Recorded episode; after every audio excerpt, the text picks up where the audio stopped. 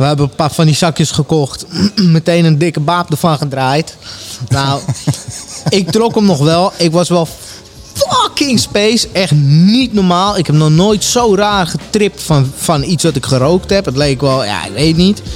Maar die maat van mij, die ging echt instantly slecht gewoon. Die, die zat echt, die, wauw, die voelde zich niet lekker en die kreeg buikpijn. En eh, die was gewoon helemaal fuck. Die zat op de bank en zegt, eh, ik ga dit niet meer roken man bro. Ja, ja, ja, ja. ja. Dus eh, toen hebben we ook gezegd oké, dit gaan we niet meer roken. Dit is, we gaan het wegdoen en het kan niet goed zijn. Hey, jongens, wat is de joint? What the fuck? Wat is hier aan de hand?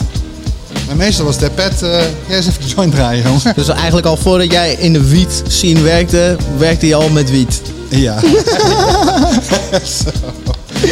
Ja, ja of niet? Ja. Lopen we al of niet? Oh, we lopen al. Nou, dat is een mooi moment om meteen eventjes iedereen eh, welkom te heten bij weer een nieuwe aflevering van de High Cloud Podcast. Mijn naam is Anko Koes. En zoals je misschien al weet, neem ik je in deze podcastserie mee in de Nederlandse cannabisindustrie. En dat doe ik aan de hand van eh, verhalen en gesprekken met gezellige mensen uit de cannabisindustrie. Ondernemers, werknemers eh, en persoonlijke vrienden van mij. En vandaag zit ik samen met Patrick Stevens. Woe! En eh, een Patrick kan je misschien wel kennen van ja, bijna 20, 22 jaar eh, eh, cannabisindustrie. 20 zo'n- jaar, 20 20 jaar cannabisindustrie. Zo'n beetje alle beurzen van de wereld gezien. Dus als je in deze scene bekend bent, dan ken je dit gezicht wel. en, en vandaag gaan we het hebben over, over jouw weg in de cannabisindustrie. ehm, en wat je, wat je doet vandaag en wat je de komende tijd gaat doen. Want dat is heel interessant. Nice. Ehm, maar vertel eerst eens even, we hoorden het net al waarschijnlijk even heel kort. ehm, dat al voordat jij in de cannabisindustrie werkte, werkte je al een beetje met wiet. Hè, door gewoon blowend eh, eh, ehm, door het leven te gaan. Maar vertel eens, hoe, hoe, hoe ben jij eh, in, in, deze, in deze wereld beland? Ah, ja, weet je, die, die, in die wereld beland je in principe gewoon met je eerste jointje. Weet je, ik, volgens mij, eh, als ik die podcast van jou luisterde, dan eh, je, was volgens mij mijn dertiende of veertiende verjaardag of zo. En eh, we hadden, weet je, ik, kom uit, ik ben opgegroeid in Veldhoven. En iemand die eh, 16 was, die was naar de Pink in Eindhoven gegaan, had een grammetje hash gehaald. En daar hebben we toen samen met mijn broer hebben we daar een joint van zitten roken. En ik, ik weet niet meer hoe het mijn broer vergaan is en of hij al vaker gebloot had of niet. Maar bij mij was het echt zo van.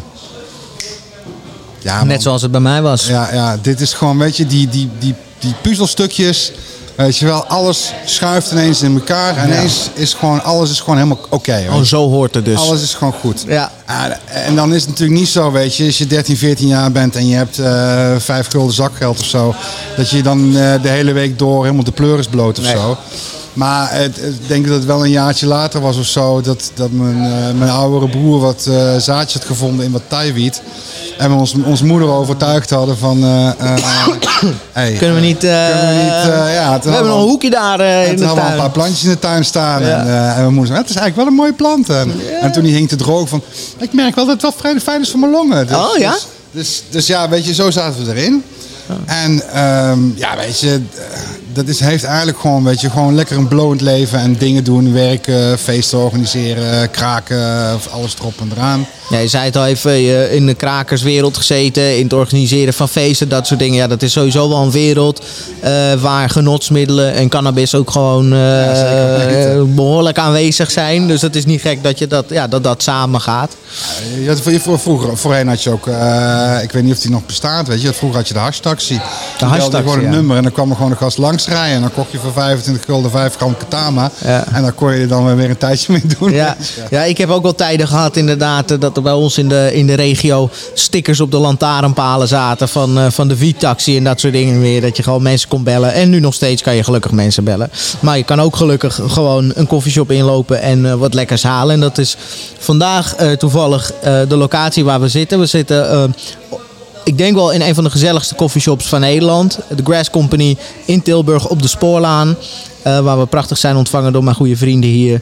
Eh, waarvoor alvast dank met een selectie van allerlei heerlijks op tafel. Wa- woep, woep. waar, we, waar we zo meteen, eh, waar ik in ieder geval zeker weten in ga duiken. Patrick heeft gezegd, ik ga het, het licht houden Met een pussy stick. zijn pussy stick.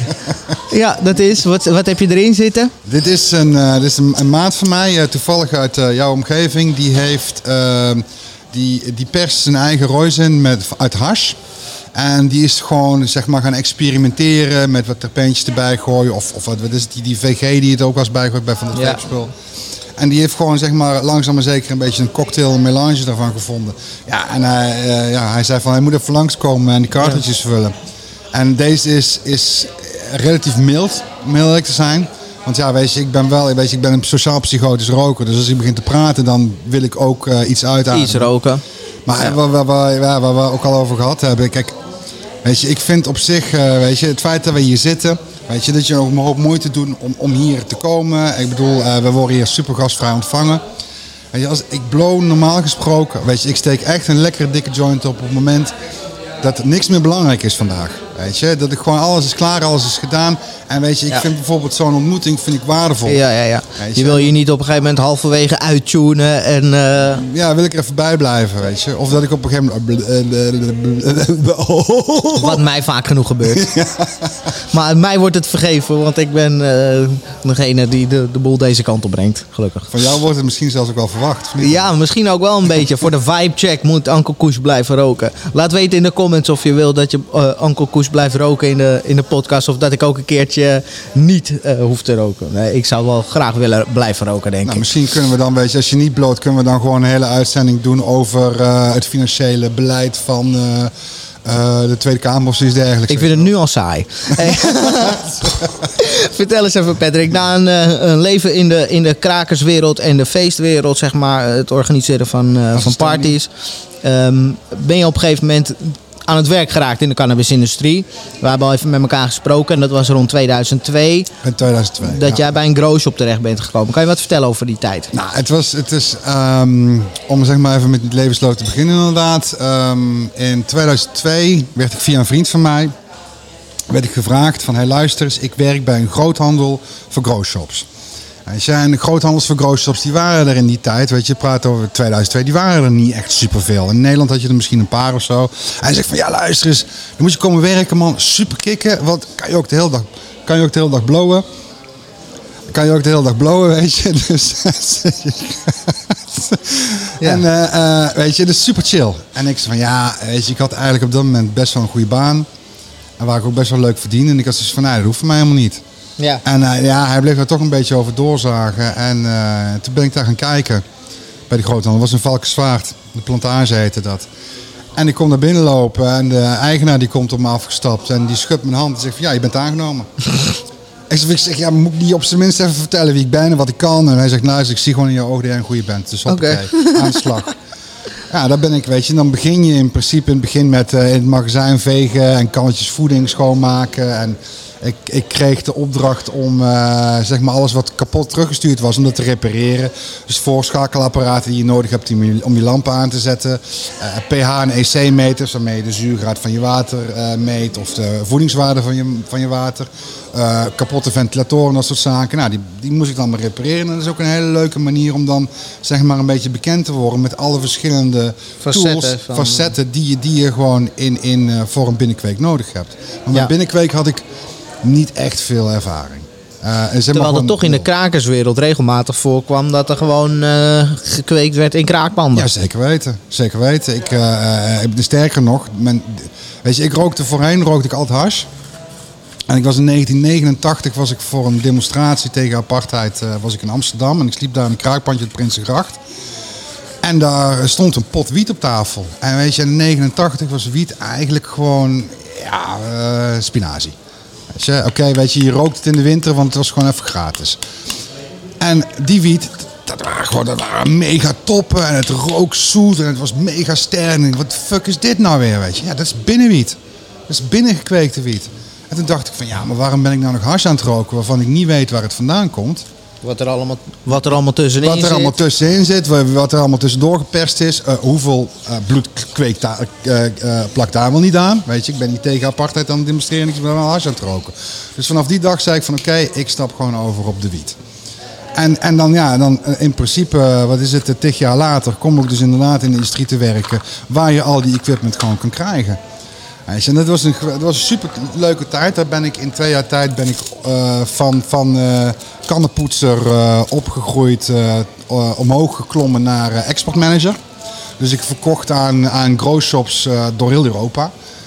Ik heb ook voor dat ik ook wel meerdere talen spreek, dus dan kom je ook een stuk verder. En ja, dat, ging, dat liep eigenlijk gewoon hartstikke lekker. Dat werd gewoon, ik, ik, verkocht veel naar Zwitserland, Frankrijk, Engeland. Daar heb ik ook hele leuke contacten over gehouden. En uh, na, wat is het, in 2004 uh, is helaas die toko failliet gegaan. En toen ben, ik, uh, toen ben ik mijn volgende stap gedaan. En dat was bij Biobis, organische plantenvoeding in Groningen, ben ik gaan werken. En daar heb ik het uiteindelijk 15 jaar volgehouden. Ja, want dat was ook wel een hele gevarieerde en uitdagende baan. Van wat ik heb begrepen, uh, heb jij in je tijd bij Biobis een beetje heel de wereld wel gezien. Alle uithoeken van de wereld, laat me het zo zeggen. Je hebt niet elk land uh, gezien misschien, maar wel elk continent in elk geval bezocht. Eens even kijken. Australië daar, ben ik, daar ben, en Antarctica, daar ben ik Oh, niet daar ben je nog nooit geweest. maar dat beetje, was... Een beetje teleurstellend. nee. Maar dat was inderdaad, weet je, in 2005 was het ondertussen. ging ik bij Biobis aan de slag. En om ja, een klein beeld te schetsen... Um, Biobis verkocht in die tijd aan ongeveer een 30 à 32 landen. En toen ik daar 15 jaar later wegging, toen waren het er 64.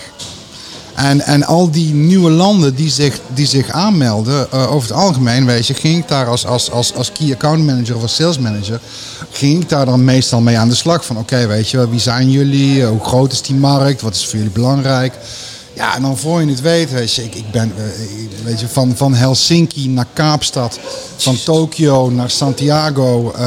Ik ben zelfs twee weken in Iran geweest. En dat, was, dat is ook een mega ervaring. Voor cannabis? Ja, absoluut. Wiet kweken in Iran. Wiet, ja. Daar wordt wiet gekweekt in Iran. Daar wordt, en daar sta je van te kijken. Het is, weet je, bij, in, som, bij, in sommige landen gaat het, gaat het zeg maar op een hele schattige manier.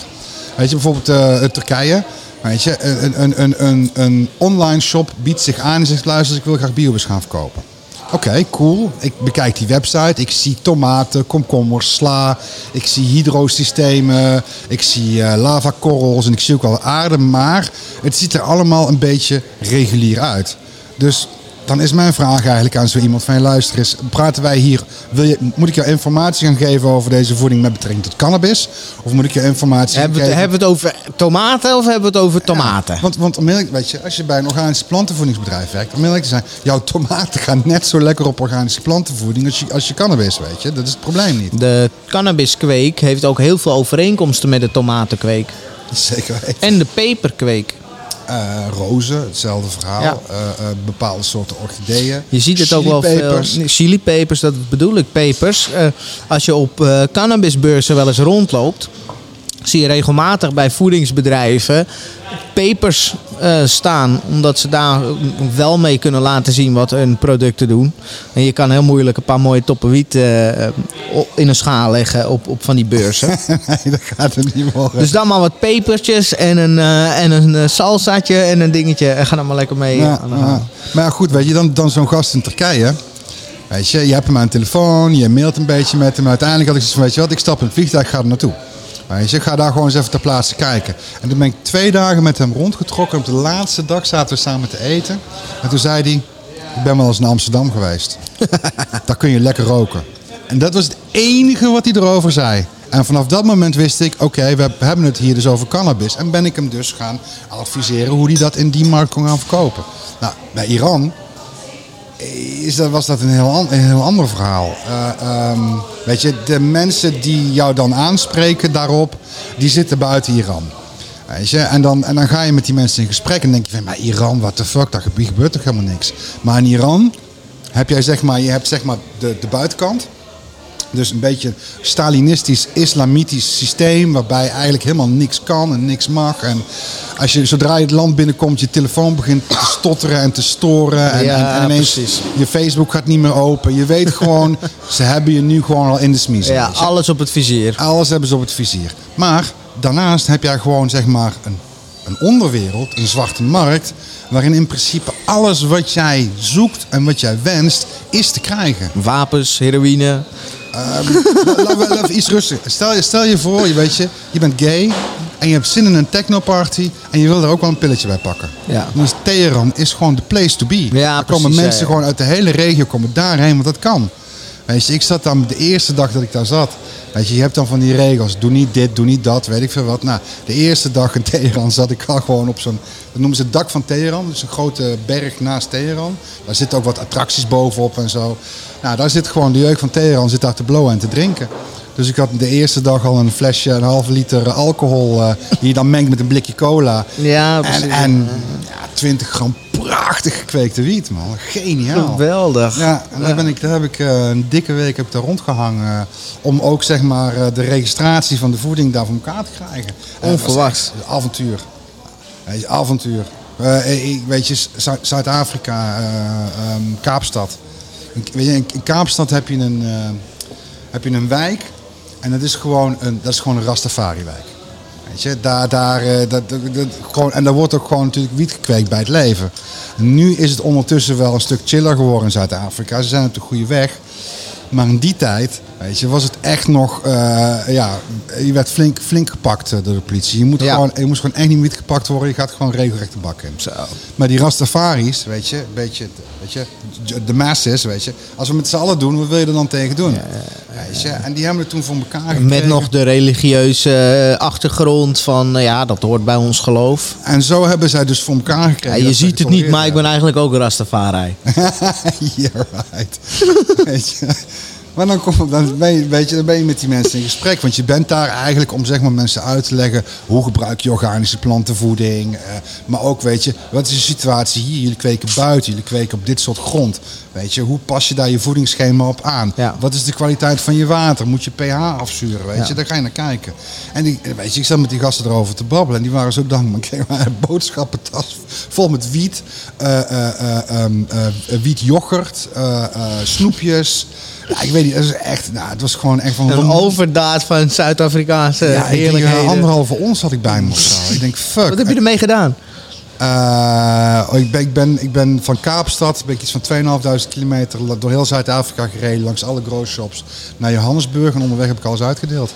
En, een, en, een, en, zelf gerookt en- natuurlijk. Maar dan, dan zei ik tegen iemand, hey, moet je kijken man, dit komt, dit komt van de Rastafaris van Kaapstad. Ja, ja, ja. Oh, vette Wauw, shit man. Oh, maar dan heb ik ook nog wat voor jou. En dacht, hoppakee. Bleef je met meer achter dan wat je, wat je had Ja. eh, afgelaten? Het enige waar ik, afgegeven? waar ik echt super teleurgesteld over was, was dat je gewoon, weet je, ik denk, oké, ik ben in Zuid-Afrika, weet je, Durban Poison. Kom maar op. Durban. Original Ja, ro- ja, eh, rooibaard, weet Ja. je. Ook zo'n mooie Zuid-Afrikaanse Die ken ik niet. Dat is een, eh, te vergelijken met een, bijvoorbeeld de Punto Rojo in, eh, in Colombia. ja, dus een sativa. Dat is echt lang- een, eh, lange bloeitijd. Ja, oké. maar, weet je, oké, in Kaapstad. blue cheese. blue dream. cheesecake. blueberry cheese. Cheese, cheese, cheese. Alles was cheese. kaas. Alles cheese, weet je wel. Want wat heel simpel. Weet je, wat wij, wat wij allemaal eh, van, van jullie lekker vinden. eh, dat vinden jullie allemaal lekker van, Van ons, ja. Dus, dus ja, dat krijg je dan gewoon, weet je. Ik bedoel... eh, ja, ja, ja. dus Onvermijdelijk. Maar op de, was het een van mijn laatste dagen of zo. mijn, mijn profielfotootje op mijn, op mijn Instagram en zo. daar sta ik met een topje op. En dat is die originele rooibaard. We zullen wel eventjes hier in beeld brengen. Patex, Patek, Patek X of zoiets. ik weet niet. Eh, Patex. Patex. P-A-T-T-E-K-X. Hier in het scherm. En Alsjeblieft. En het is een sa samenraapsel van het feit dat ik gewoon vroeger altijd vergat de joint door te geven. Dus dan zei ze, hey Patex. Oh, bleef je plakken. Ja, blijft plakken. ja. En omdat ik bij een sound system heb ge- gewerkt, die heette KX Sound Systems, heb ik daar Patex Oh, KX van gemaakt. geweldig. Dus misschien is het nou gewoon iets makkelijker te onthouden. Patex, leuk. Jeetje, ja, dus jij, bent, eh, jij, bent, je hebt de hele wereld over gereisd. Zuid-Afrika. Ehm, waar ben je nog meer geweest? Je bent in Japan geweest. Japan is ook echt kick-ass, jongen. Hoe kweken ze wiet in Japan? Ja, dat is een hele mooie. Kijk, weet je, sowieso wat eigenlijk voor al die landen geldt, weet je wel, waar je op een gegeven moment naartoe gaat, omdat je plantenvoeding gaat verkopen of omdat je lampen gaat verkopen of wat dan ook, begint allemaal bij het zaad. Weet je, er moeten zaadjes zijn. Zijn zaadjes er niet, dan wordt het meteen al gewoon op een of andere manier moeilijk. Weet je, Turkije, dat ging, weet je, corrupte douane, komt er. Iran, weet je, mensen die gewoon per jaar tussen de 500, 250 en 500.000 zaden uit Spanje gewoon in een rolkoffertje over het vliegveld mee naar binnen nemen. Verpakkingen opsturen, opnieuw inpakken, op de zwarte markt verkopen. Ja. In Japan had je een hele vreemde situatie. Daar was, zaad was gewoon verkrijgbaar. Je had zeg maar door het hele land had je uh, soort headshopjes. Headshop, smartshop. Dus waar je bijvoorbeeld pijpjes kon kopen, rolling papers, zaadjes. Alleen eh, in Japan bloot bijna niemand. Dus echt, het is echt heel, heel sporadisch. Misschien weet je in het noorden een beetje, in het zuiden, in uh, wat is het, Osaka. Maar in Tokio bijvoorbeeld zaten mensen eigenlijk eerder op het anders spul. En, ehm, maar die zaadjes die had je. Dus op een gegeven moment was er ergens gewoon een slim Japannertje die gewoon naar beurzen ging in Europa. En, en die ging kijken van, oké, maar wat, wat staat hier allemaal? En, en het vreemde was dat hij het eerste wat hij zag was een deep water culture systeem van Advanced uh, uh, Hydroponics of Holland volgens mij. En dat vond hij super interessant. Dat is dus even voor de mensen die niet weten wat het is. Dat is dus een systeem waarmee je wiet op water kweekt. Dus geen aarde. Je hangt in feite de wiet met zijn wortels en al in een bak met water, een reservoir. Dat vers water aangevoerd krijgt en het vieze water wegvoert. Zodat je altijd vers voedingswater eigenlijk in je wortelsysteem hebt. Het is eigenlijk gewoon een heel gevoelige manier van kweken. En, en, en zeker niet makkelijk ook. Nee, nee. Uh, het kleinste foutje en uh, die planten zijn onvergeeflijk. Ja, ja, minder buffer dan met uh, aarde kweken. Je hebt, je hebt eigenlijk, ja, sorry dat ik even een beetje in jargon ga wat dat betreft, of in de kwekersjargon. Maar weet je, om eerlijk te zijn, het meest voor de hand liggende methode om wiet te kweken is gewoon heel simpel. Zaadje in de aarde. In de aarde had schijnen regen klaar. Ja. Maar oké, okay, maar dat is ja. voor, je, voor Japanners de Ja, precies. Dus hij zag een uh, deep water culture systeem daar. En die is die, die, is die toen na gaan maken uh, in Japan. En zo zijn zeg maar de eerste kweekmaterialen daar de markt op gekomen. En de zaadjes die had je natuurlijk al. Dus konden mensen aan de slag. Maar het had een vrij hoge drempel. Omdat heel simpel, weet je. Bijvoorbeeld hier koop jij een kweektentje voor, uh, laten we zeggen, tussen de 150 en de 250 euro afhankelijk van de kwaliteit. Nou, daar betaal je daar ongeveer 1500 euro voor. Oeh, schaarste. Hyper, hyperkapitalisme, ja. dus alles is stervensduur. Ook nog, ja. Maar, uh, um, maar wat wel superleuk is, is, weet je, je hebt in ieder geval die zaadjes beschikbaar, dus je hebt van die kleine sientjes die er dan ook gewoon ultra hard op gaan. Dus die, die, weet je, die wiet die ik in Tokio tegenkwam daar kon ik gewoon niet van slapen.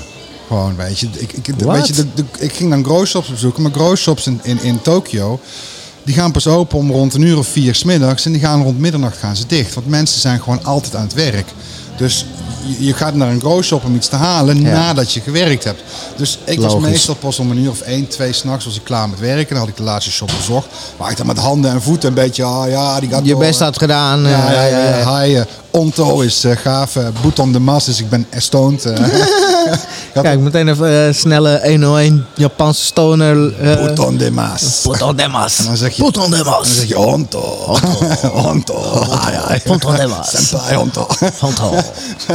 maar ja, dan, dan, dan, daar rookte ik dan van. En dan lag ik helemaal te spacen. Het was echt mijn hotelkamer. Weet je, ik kwam de gang oplopen en je rookt dat spul gewoon echt al in mijn hotelkamer. Dus je gaat dan absoluut niet met wiet de straat op. Of zo. Nee, nee, nee. Dus, Okay. echt, vooral ook als je een buitenlander bent, uh, is dat geen goed idee. Want je, gaat, je draait daar gewoon een harde bak voor. Ja, en hoe gaat dat in zo'n hotel dan? Wordt dat wel allemaal een beetje uh, zo uh, toegelaten? Of?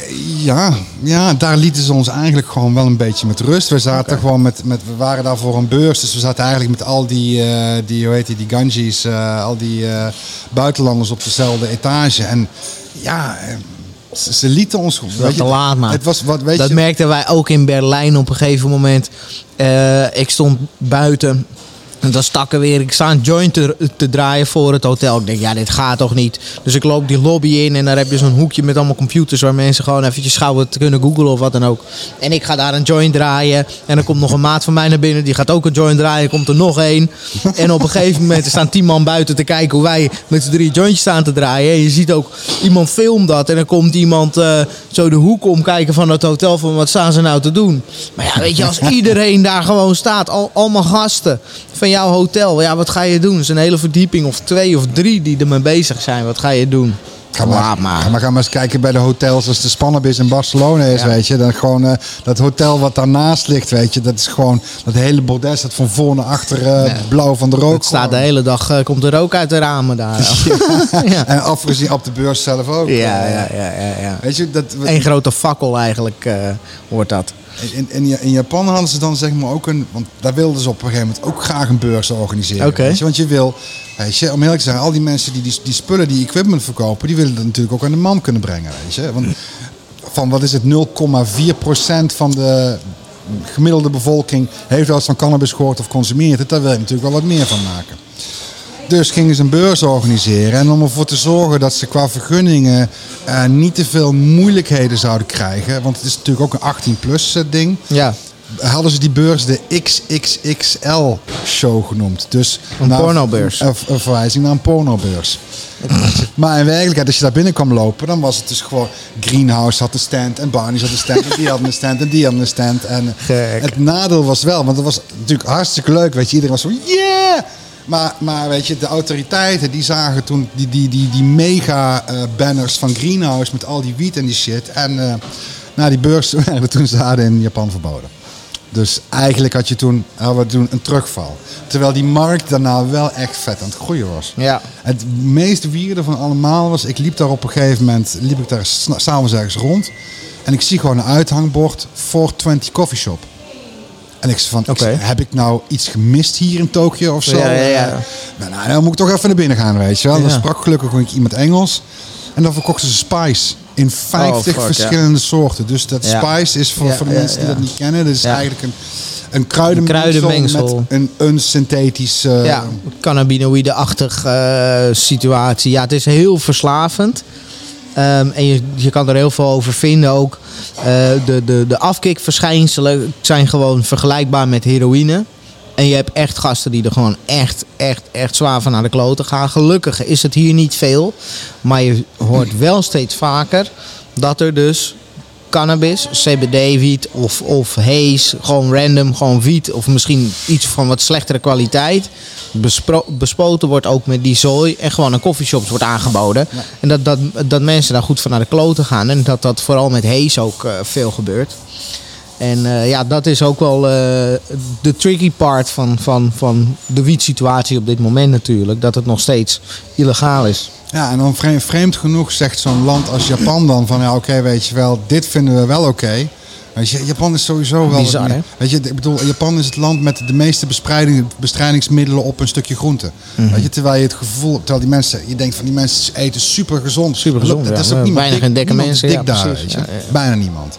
Er komen wel steeds meer McDonald's en dat soort dingen in die delen van de wereld ook. Hè? Ja, dat dan weer wel. Penetreert. Maar dan zit je ook, weet je, dan zit je daar en dan, eh, hoppakee, komt er iemand binnen. Vijf, vijf, eh, ongerekend 50 euro voor een grammetje. Bam, bam, bam en het loopt. En dan waren er zeg maar ook wel van die mixen die zeg maar gewoon in Japan eh, zelf gemaakt werden. Dus wel met wat traditionele Japanse kruiden. Die dan ook zeg maar een beetje die richting van het effect in, eh, op zouden moeten gaan. Oké. Maar ik zeg tegen die mensen, ik zeg maar, sorry jongens, maar waarom, waarom pak je niet gewoon lekker topje wiet? Ja, nee man, veel te sterk man. Veel te sterk man, ga ik helemaal oud. Ik ja, dan pak je toch gewoon wat minder. Ja, ja, ja. Ja, dan rook je nee. toch niet die hele joint op? Nee, dat gaan we nou ook weer niet doen, weet je. Nee, en en er waren, nou, ik denk dat ik een stuk of vijf, zes van die shops ben tegengekomen. En verpand. En ik ga dan toch wel even naar binnen, weet je wel. Ik vind het wel leuk van, nee, ik kom uit Nederland. Ah, Amsterdam? Nee, nee, nee, nee. Maar eh, iets, iets meer naar het zuiden. Ja, dat Spice is echt foute boel. Ik, ik kan me herinneren, eh, zo'n eh, denk, een jaar of tien geleden... was ik met een maatje in Portugal op vakantie. En, eh, en ik rookte toen natuurlijk ook gewoon hartstikke veel wiet. En eh, we waren opgelicht door een stel zigeuners. Vette kuthash gekocht. Bin En, there, eh, done that. dus op een gegeven moment lopen we ergens in Albufeira rond. Een van de grotere toeristische steden in, eh, in het zuiden van Portugal. Zo'n uitgaansgebied. Ehm, even laten zien toch. En, eh, en ik kwam ook zo'n winkeltje tegen met van dat spul allemaal. En ik had toen echt nog geen idee wat dat allemaal was. We hebben het over tien jaar geleden. En het, het zag er vrij natuurlijk uit allemaal. Een kruidenmengsel. En het zou een beetje wietachtig zijn. Dus wij dachten, hey, let's go.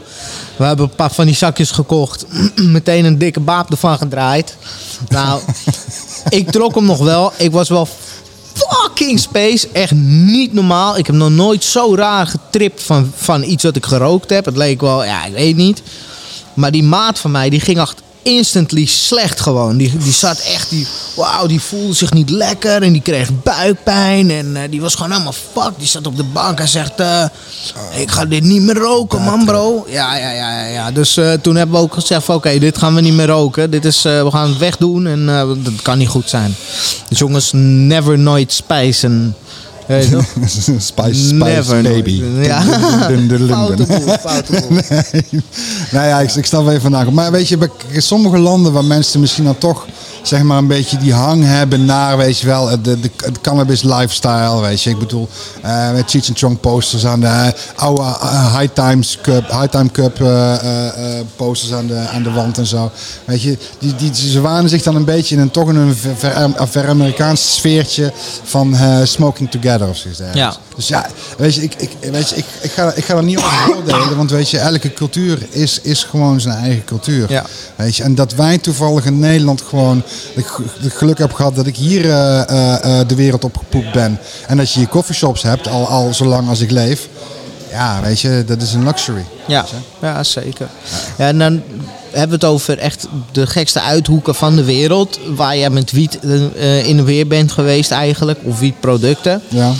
Ehm, Ja, nee, luister eens. Natuurlijk, weet je, ik ben daar in, in principe ben ik daar in de hoedanigheid om voor het, voor het plantenvoedingsbedrijf waar ik voor werk. Maar natuurlijk ga je bij mensen langs die aan het kweken zijn. Dan ga Ja, je kijken van oké, wat, wat zijn jouw kweekmethodes? Hoe gebeurt dat hier? Hoe precies. gebeurt dat daar? En je rookt wat. Ja, ja. Weet je, ga, dat ka- kan niet altijd goed gaan, toch? Is het wel eens misgegaan? Ben je wel eens in een probleem gekomen in het buitenland met, met cannabis? Ja, ja, ja, ja, meer te veel te vaak. Ja? Ja, ja, ja. Het, laat ik zo zeggen, de meest, de meest gênante ervaring waarbij ik verder geen probleem kreeg met de autoriteiten was mijn eerste keer in eh, Uruguay. Weet, je? Oké. Eh, weet je, en in Uruguay is het gewoon legaal. Daar werd gewoon opgehaald. Ja. Werd Was het toen ook al legaal? Toen je Het was, daar, dat was eh, al legaal, ja. ja, ja. En toen werd ik opgehaald. En, en ja, weet je, die mensen die hadden gewoon een ultra dikke, pure blunt gedraaid om mij welkom te heten. Weet je, dus we zitten in die auto en zo, welkom in Uruguay! Weet je. En ik die blunt Vet stomen. En ik neem een hijs en die filter die was hartstikke open. En ik zuig zo'n stuk bloem Oh, in. shit. Dus ik krijg een hoestkick van hier. Het ik begon zo te hoesten dat ik oud ging. Ik ging was gewoon... Weet je? Wat? en toen ging ik oud, weet je. En op een gegeven moment kwam ik weer bij. Hun waren al gestopt. En wow, shit, we moeten ziekenwagen bellen. En ik van... Ik zeg, wow, zo. Ik had me even verslikt, joh. dus We zijn er weer. ah, Patrick, kom naar Uruguay. Het eerste wat hij doet is gewoon naar wiet. Wena, wena, ja. Dit blijft me mijn hele leven bij, weet je wel. Dat is ook zo. Daar kom je nooit meer vanaf, jongen. Maar ik heb, ik heb eens even kijken in... eh, Dan denk je, ja, ja, een stukje bloem in je long. ja, ja, precies. Dat zou ik dan Ja, ook zeggen, ja. kut, weet je. Goed verhaal, eh, jongen. Zo kennen wij ze ook al. Ja, dat is echt dat is, dat is gênant, jongen. Trouwens, even een, gauw, een snelle tip voor mensen die dat wel eens gehad hebben. Ik heb dat ook wel eens. Kijk, sowieso met die koolstoffiltertjes eh, van mascotte heb je dat niet. Maar als je, een, als je een dikke tip draait, vooral als je een, inderdaad een super dikke joint wil draaien, of in dit geval een super dikke blunt. En je bent dus aan het roken, of je, voordat je eh, gaat roken, moet je dan eventjes droog roken. Met in gedachten dat er wel eens wat mee kan komen. Dus dan zuig je eventjes zo aan die joint. Terwijl je je tong dus zeg maar voor je, hè, je luchtpijp houdt. Je blokkeert zeg maar die hele boel. Je zuigt met een dichte mond in feite van de achterkant. Een beetje lucht naar binnen. En dan alles wat er mee zou komen, komt er mee. Zeker omdat er heel veel drukkracht is. Omdat er geen... eh. Hè? En dan kan je daarna gewoon veilig opsteken. Tipje van ome Koes. Onkel K gewoon, echt gewoon joint science gewoon. Ja, ik dat zat er, krijg je. weet, je, ik zat naar een ander podcastje van luisteren. Toen had je ook, begon je ook zo van luisteren, draai je hem te los of draai je hem te strak? Ja. Weet je wel, dan Ja. krijg je dus problemen Ja, met de die druk. trekkracht. En ik zo van, luister eens maar. Ja, ik heb nooit op, ik heb vroeger bij, bij, bij natuurlijk niet opgelet, weet je. Dus ik had zoiets van, oh, oké, ja, oh, Ja. wacht eens. Ja. Er zit gewoon een wetenschappelijke verklaring achter ook, Ja, weet je. 100%, Het ja. is niet gewoon van, heb je nou voor kut joint gedraaid? Nee, en dat, he- dat heeft met alles. eh, wat, wat, kijk, dit is gewoon een, eh, een natuurscheikundig proces of zo natuurlijk. Het verbranden van wiet en het inademen ervan en het uh, worden ervan. Dat heeft allemaal met gewoon biologie en natuurkunde en scheikunde en al die dingen te maken. Ja, en ik vind dat soort dingen best wel interessant. Ik ben stiekem gewoon best wel een nerd, gewoon wat best wel dat soort dingen betreft. niet dat ik mijn best deed op school, daar niet van. Maar zelfs al zat ik stoned in de les te lachen kwam al die shit gewoon binnen, want ik ben gewoon een spons wat dat betreft. en ja, dan, dan, uh, dan ga je dat soort dingen interessant vinden. En ook dus uh, wat betreft bijvoorbeeld wit, witte as, weet je wel, de witte as van wiet, waar mensen dus graag uh, naar kijken om de kwaliteit van wiet te beoordelen. En daar, is, daar zit ook gewoon iets wetenschappelijks achter. En als je daar wat meer over wil weten, check dan vooral de link die ik even in de beschrijving zet. Ik heb een Ankels advies geschreven over witte as bij je joints. En dat is echt heel interessant. Maar dan weet je precies uh, waar het over gaat. In het kort uh, heeft het er dus te ma mee te maken dat je dus uh, een volledige verbranding nodig hebt om zo wit mogelijk as te krijgen. Het eerst als je plantmateriaal verbrandt, dan wordt het koolstof. En als het koolstof verbrandt, dan, dan blijft er, de, hè, dus dan wordt het eerst zwart. En als dat door blijft smeulen, dan wordt het op een gegeven moment wit en blijven alleen de mineralen achter die in het plantmateriaal zitten. Ah. en dat is dan wit.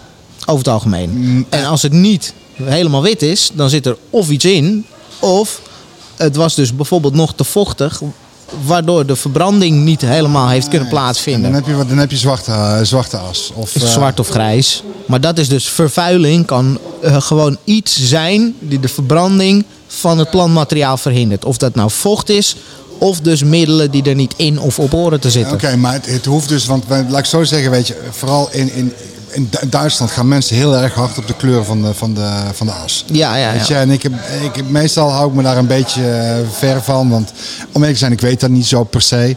Uh, uh, en daarnaast, ja, weet je, als je bij een organisch plantvoedingsbedrijf werkt, dan, dan weet je eigenlijk dat je altijd gewoon organische wiet uh, aan het roken bent. Dus maak je daar niet zo'n zorgen over.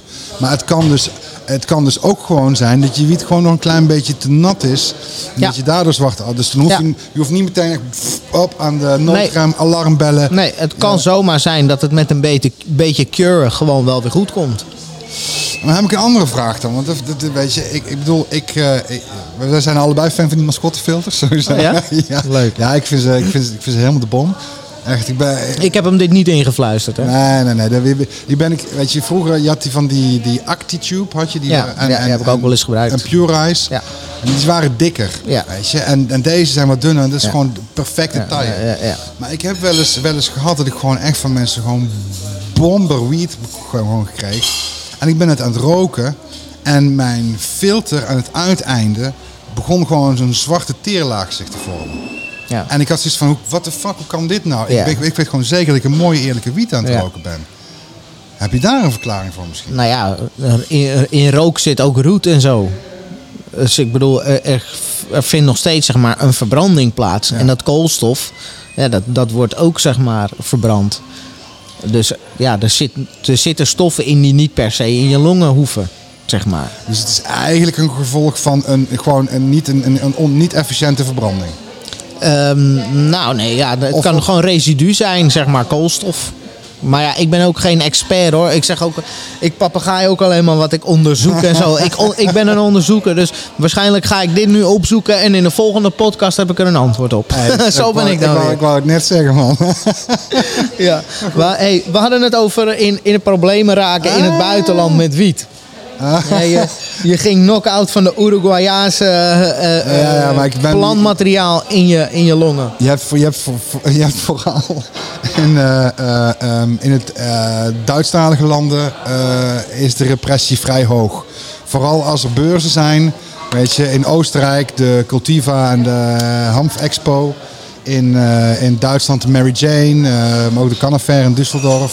En eh, de, de politie is daar wel heel graag bij. Want eh, weet je, zij willen gewoon Volgens mij is consumptie op zich niet illegaal in die landen. Maar eh, zodra jij een voet buiten de deur zet en je bevindt je op de openbare weg, is het in principe. ben je dus onder invloed eh, in een openbare ruimte. Dat mag niet. Oh wauw. Dus, dus ik had in, eh, in eerst. En daar heb ik me later ook flink mee in mijn voet geschoten. In Oostenrijk werd ik, werd ik voor de beurs werd ik tegengehouden. Moest ik een urinetest doen. Eh, weet je, de juridische gevolgen van of je dat kan weigeren of wat dan ook, dat weet, weet ik ook niet precies. Maar ik had zoiets van, ja jongens, fuck it. urinetest doen, positief. Mee naar het bureau, want dan gaan ze een bloedtest doen. Om, te- om te kijken wat er dan echt zeg maar, in je bloed zit. En dan vervolgens kun je erop rekenen, geldstraf, eh, rij, eh, rijbewijs wordt ingenomen. En in bepaalde gevallen, als je ook wat bij je hebt, kun je misschien ook nog wel een nachtje blijven zitten of zoiets dergelijks. Ligt er een beetje aan. Maar bij een Oostenrijk, dat is prachtig. Die, die gasten brengen me naar het bureau. En ik was een van de eerste. Want na mij begonnen al steeds meer mensen waarvan je zag van... Oké, die zijn duidelijk naar die beurs op weg geweest. Ja, Die ja. begonnen zich allemaal naast mij ook al op die stoeltjes eh, neer te zetten. Ik denk, oké, daar gaan we. En uiteindelijk is het zo dat in Oostenrijk...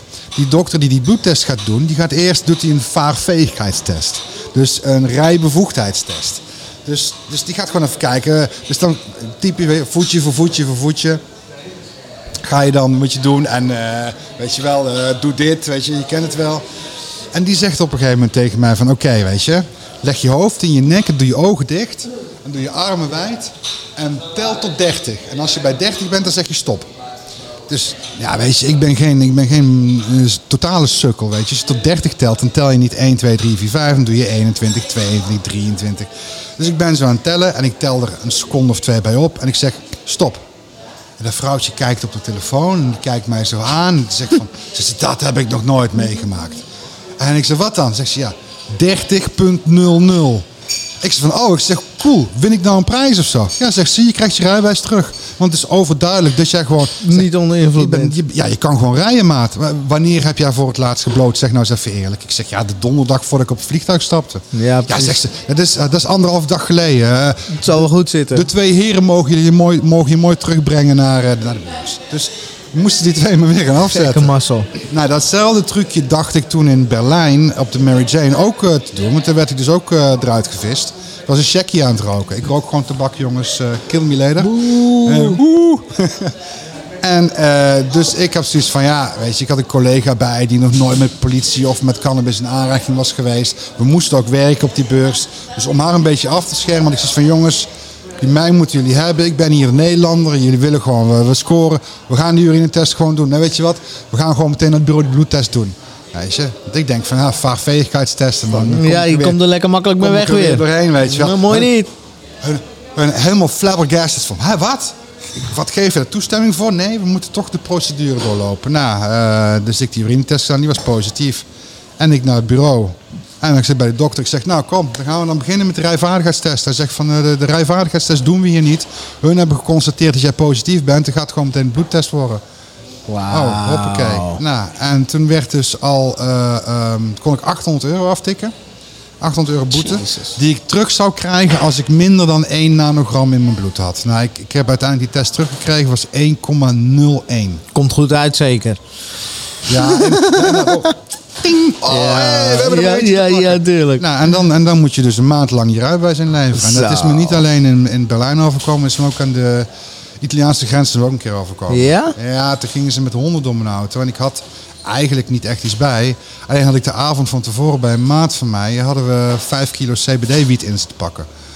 Oké. Hij, hij, ja, ik moet eigenlijk nog werken man, we moeten dit, deze bestelling nog klaarmaken. Ja. nou, ik help je wel mee. Ja. En dan gewoon de volgende dag in dezelfde kleren in je auto stappen en de grens overrijden. Ja. En toen had ik ook eh, toen had ik 400 euro boete en... Maar hoe hebben ze je uiteindelijk dan strafbaar bevonden als je alleen maar naar wiet rook? Oh, ik had, eh, ik, had, ik had nog wel een topje bij. Oh. Eh, Sorry.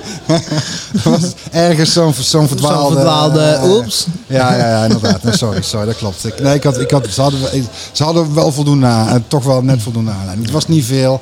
En ze zaten ook van, ja, ze, ze keken naar mijn leeftijd, weet je. Ik ben, ik ben 52, ja, toen was ik misschien eh, eind 40. En zeiden ze van, ja, maar wat doet zo'n man van jouw leeftijd nou nog met die cannabis? Ja. Weet je, ik zeg van, ja... Je hebt geen idee, joh. Ik zeg, luister eens, het wordt juist nu steeds interessanter. Ja, de grootst groeiende groep Ja. cannabisgebruikers, zeg maar, is de, de groep eh, senioren. Je ziet het in, in landen waar, ja, ja, ja, waar medicinale wiet zeg maar, eh, gelegaliseerd wordt. En hier met de opkomst van, eh, van wietolie sinds een beetje 2013, 14, 15. Ja. Eh, is zeg maar de, de grootste groeiende demographic aan cannabisgebruikers zijn de senioren. No Omdat ze way. steeds meer cannabis gebruiken tegen allerlei kwaaltjes en pijntjes. En oh, eh, eh, tante Beb slaapt slecht. Oeh, maar sinds CBD-olie gaat het beter. Ja, ja, ja, oké. Maar ja, weet je, dan heb je ook eh, eh, Rinus eh, Met Bernard, Bernard tienduizenden leden, weet je wel. Dus ja, dat is een enorm groot groeiende demographic. Dus dat is de grootst groeiende groep want die, die klik had ik eigenlijk nog niet gemaakt. Want ja, weet je, ik zie gewoon in, in, me, om- in me heen om mijn familie, weet je wel. Mijn neefjes en mijn nichtje, weet je wel. Die, die gewoon allemaal wel op een gegeven moment 18 worden en aan het beginnen met blowen. En, en ondertussen al zeg maar een deel van hun levensstijl en cultuur aan het worden is, weet je. Eh, Ja. Dus ik, ik, heb, ik zie zeg maar de jongere mensen erin stappen. Maar ik ben die, die, de oude knarren ben ik helemaal uit het oog verloren. Ja, wat ja, dat ja. betreft. Maar dat is een goed punt. Ja, dat is gewoon, eh, dat is gewoon een trend. Ja. Ja, zeker. Maar in ieder geval, dus weet je, voor Nederlanders eh, eh, hebben we nog steeds een beetje wel, wel, wel relaxed. Maar ga je, ga je naar het buitenland, echt, let gewoon op. Ja. Let op. Ondertussen ga ik eventjes iets, iets lekkers hier van, eh, van de Grass Company proberen. Dat hebben ze allemaal voorverpakt. Dus je bent al een paar keer je rijbewijs kwijtgeraakt in het buitenland. Drie, drie keer. Terwijl je heel de wereld hebt, hebt overgereisd om ja, met cannabis bezig te zijn. Ehm, de, laatste, de laatste tijd echter ben je met wat anders bezig. Hè? Niet meer eh, de wereld overreizen per se eh, om, om eh, plantenvoeding aan de man te brengen. Maar ehm, je werkt... En ik ben de nieuwe voorzitter van Forum voor Democratie geworden. Ja, Met, precies. De portefeuille cannabis. lavendel snuiven. Ja, nee, ik ben, ja, weet je, die, die 15 jaar biobis, super top. Eh, maar daar had ik op een gegeven moment had ik het, ja, ook wel een beetje, ja, een beetje wel gezien. Kan, als mensen het leuk vinden, weet je, ga gewoon op YouTube, dan toets je in Patrick Stevens Mr. Loom of Patrick Stevens biobis. En dan kom je dan best wel, best wel veel filmpjes tegen en zo. Juist. waar, ik, waar ik, om eerlijk te zijn, eigenlijk best wel trots op ben. Dus vandaar dat ik We zullen een linkje in de beschrijving zetten natuurlijk. vandaar dat ik dat even plug. Ja. Sorry. Ja. maar eh, toen ik bij Biobus wegging, eh, eh, weet je, ik dacht van oké, weet je, ik ga een beetje in de consultancy. Ik ga, eh, want ik heb zoveel mensen gezien, gehoord. eh, weet je, ik, ik, ik weet van over heel de wereld hoe mensen kweken, wat ze verkopen en wat niet. Weet je, ik ga die kant een beetje op. En toen werd ik eigenlijk al vrij snel gebeld door eh, eh, de oprichter van, van Biobis, Jetsen. En die zegt ze van, hé hey, Pat, ehm, ik weet niet of je het weet, maar ik ben bezig met een eh, vergunning aan te vragen voor het wiet-experiment. Wel? En, eh, eh, en ja, weet je, als, als het ons lukt om erbij te komen, dan is het, dan moet je toch misschien maar eens even bij mij langskomen om te gaan praten. En, en ja, gewoon voor, voor mensen om uit te leggen wat het wiet-experiment eigenlijk is. Ja, laten we daar eens eventjes... daar eh, even we hebben het wel vaker eventjes benoemd in de podcast. Maar ik denk dat we nog niet met iemand hebben gezeten. We hebben zeker niet met iemand gezeten die er eh, nu zo vrij over kan praten als jij. Dus is het wel leuk om eventjes in de diepte te gaan. En, en, en de mensen te vertellen wat, wat is nu het wiet-experiment. Wat staat ons te wachten? Ja, oké, nou gewoon, ehm, laten we even heel kort bij het begin beginnen. Weet je, er zijn, er zijn eh, ik benoemde ze net al eventjes, er zijn eh, in de afgelopen tientallen jaren zijn er mensen geweest die gewoon gezegd hebben, luister eens, ehm, de manier waarop coffeeshops hun producten moeten inkopen, die klopt niet. Weet je, voor mensen die dat misschien niet helemaal in de kijker hebben staan, een coffeeshop koopt in principe illegaal op de illegale markt zwart zijn producten in. En mag die dan vervolgens wit en eh, gedoogd via de voordeur verkopen.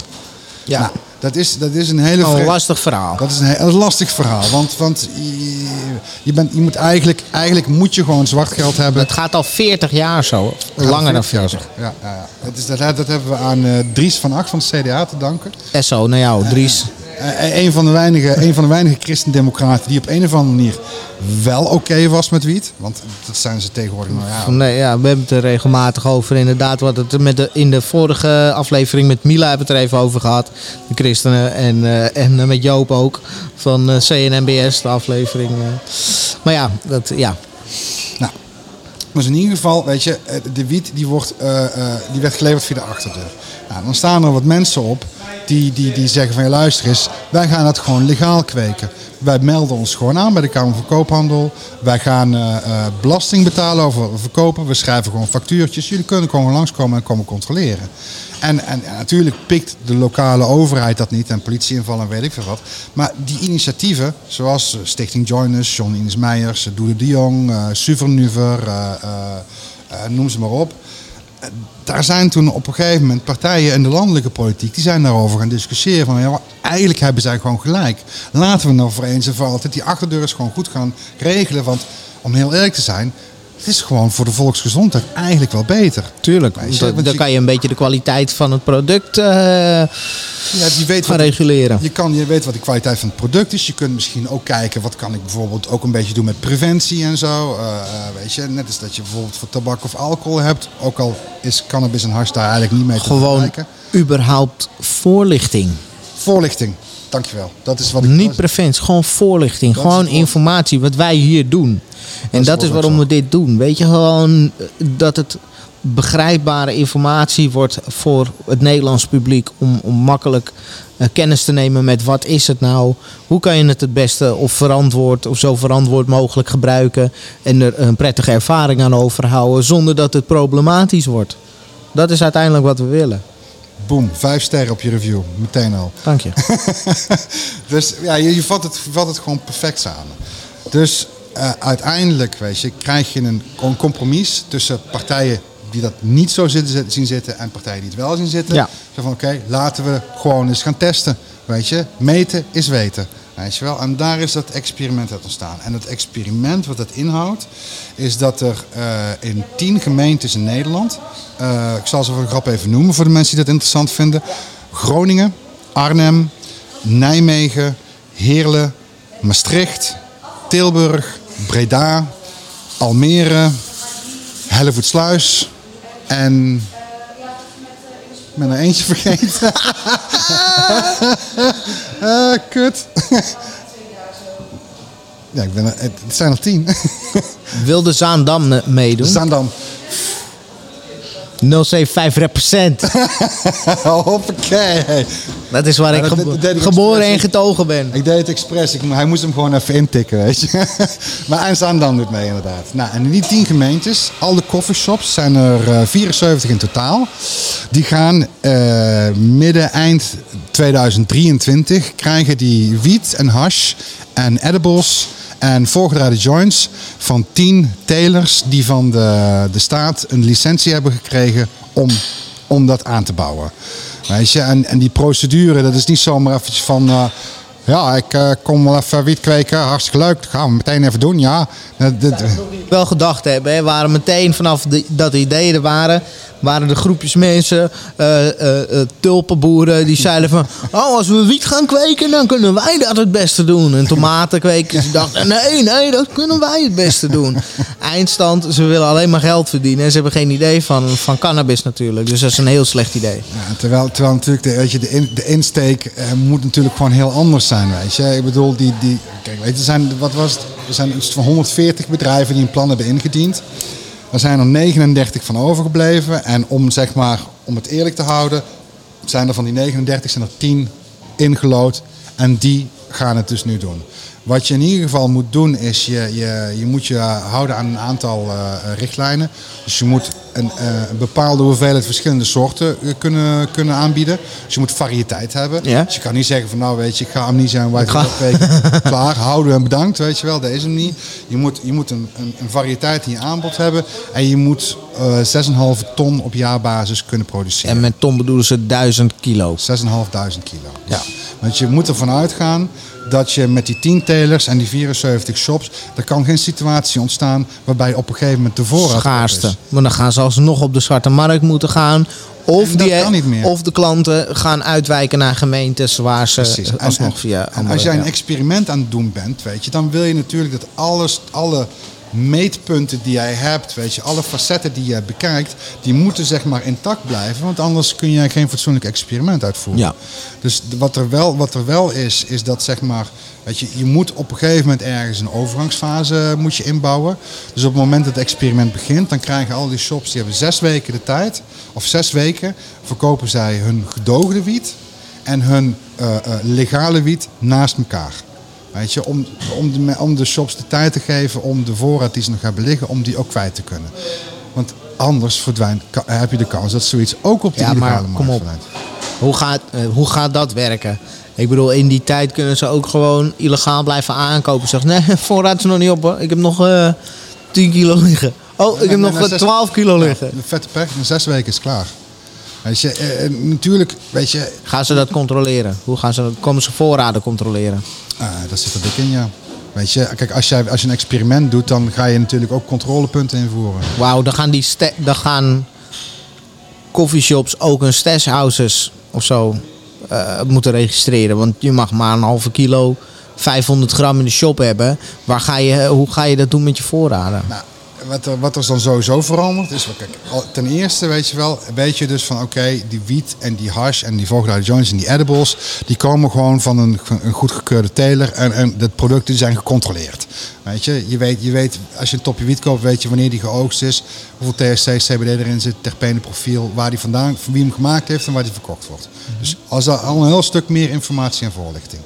Ehm, Daarnaast, eh, je stashhouses en dat soort zaken, dat, dat, eh, dat heb je niet meer nodig.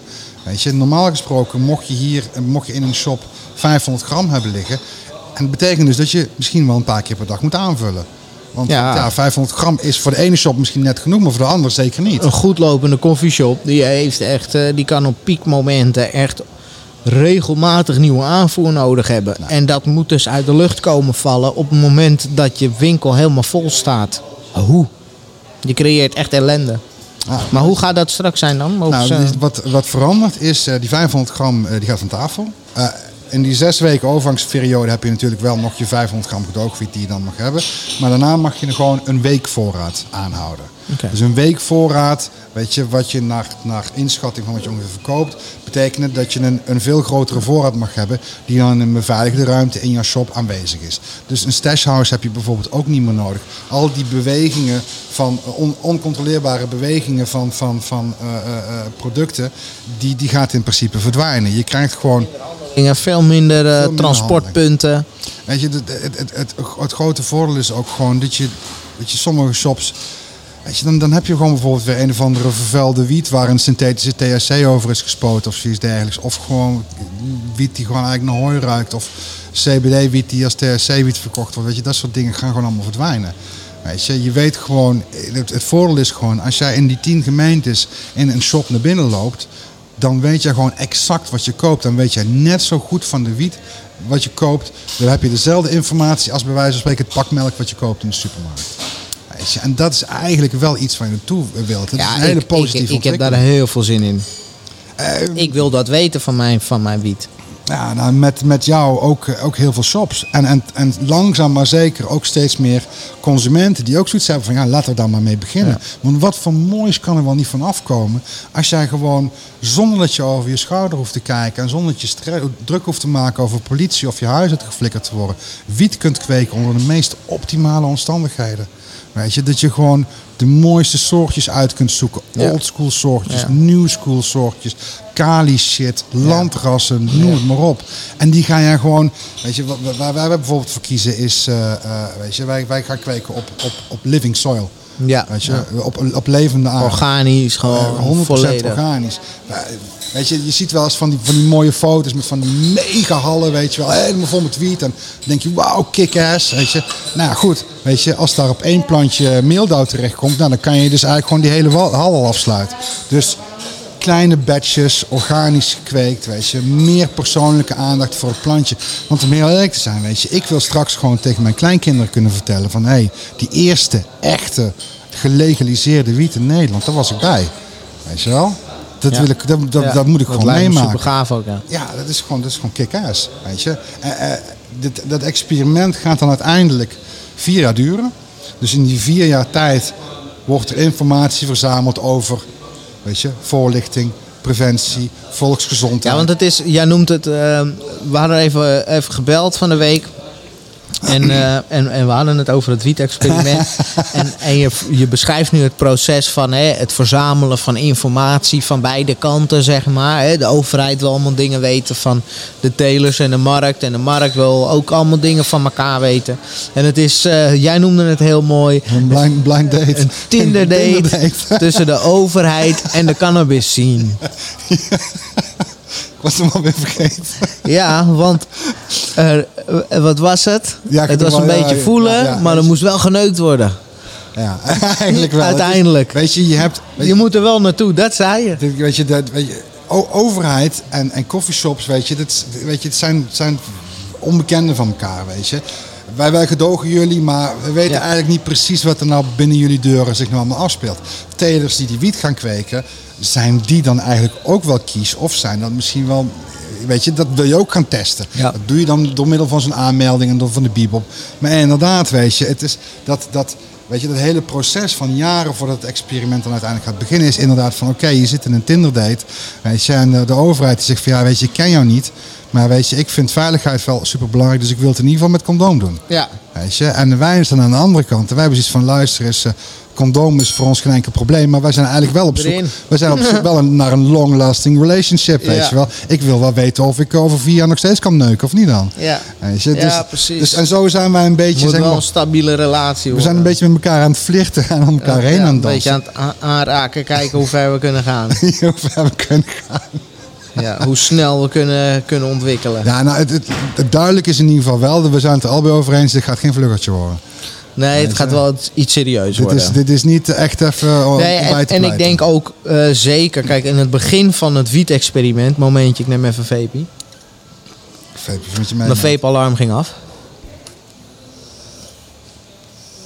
Click is go met die dingen. Het is heel leuk. Grass Company heeft zijn eigen eh, custom-made Dynavappies.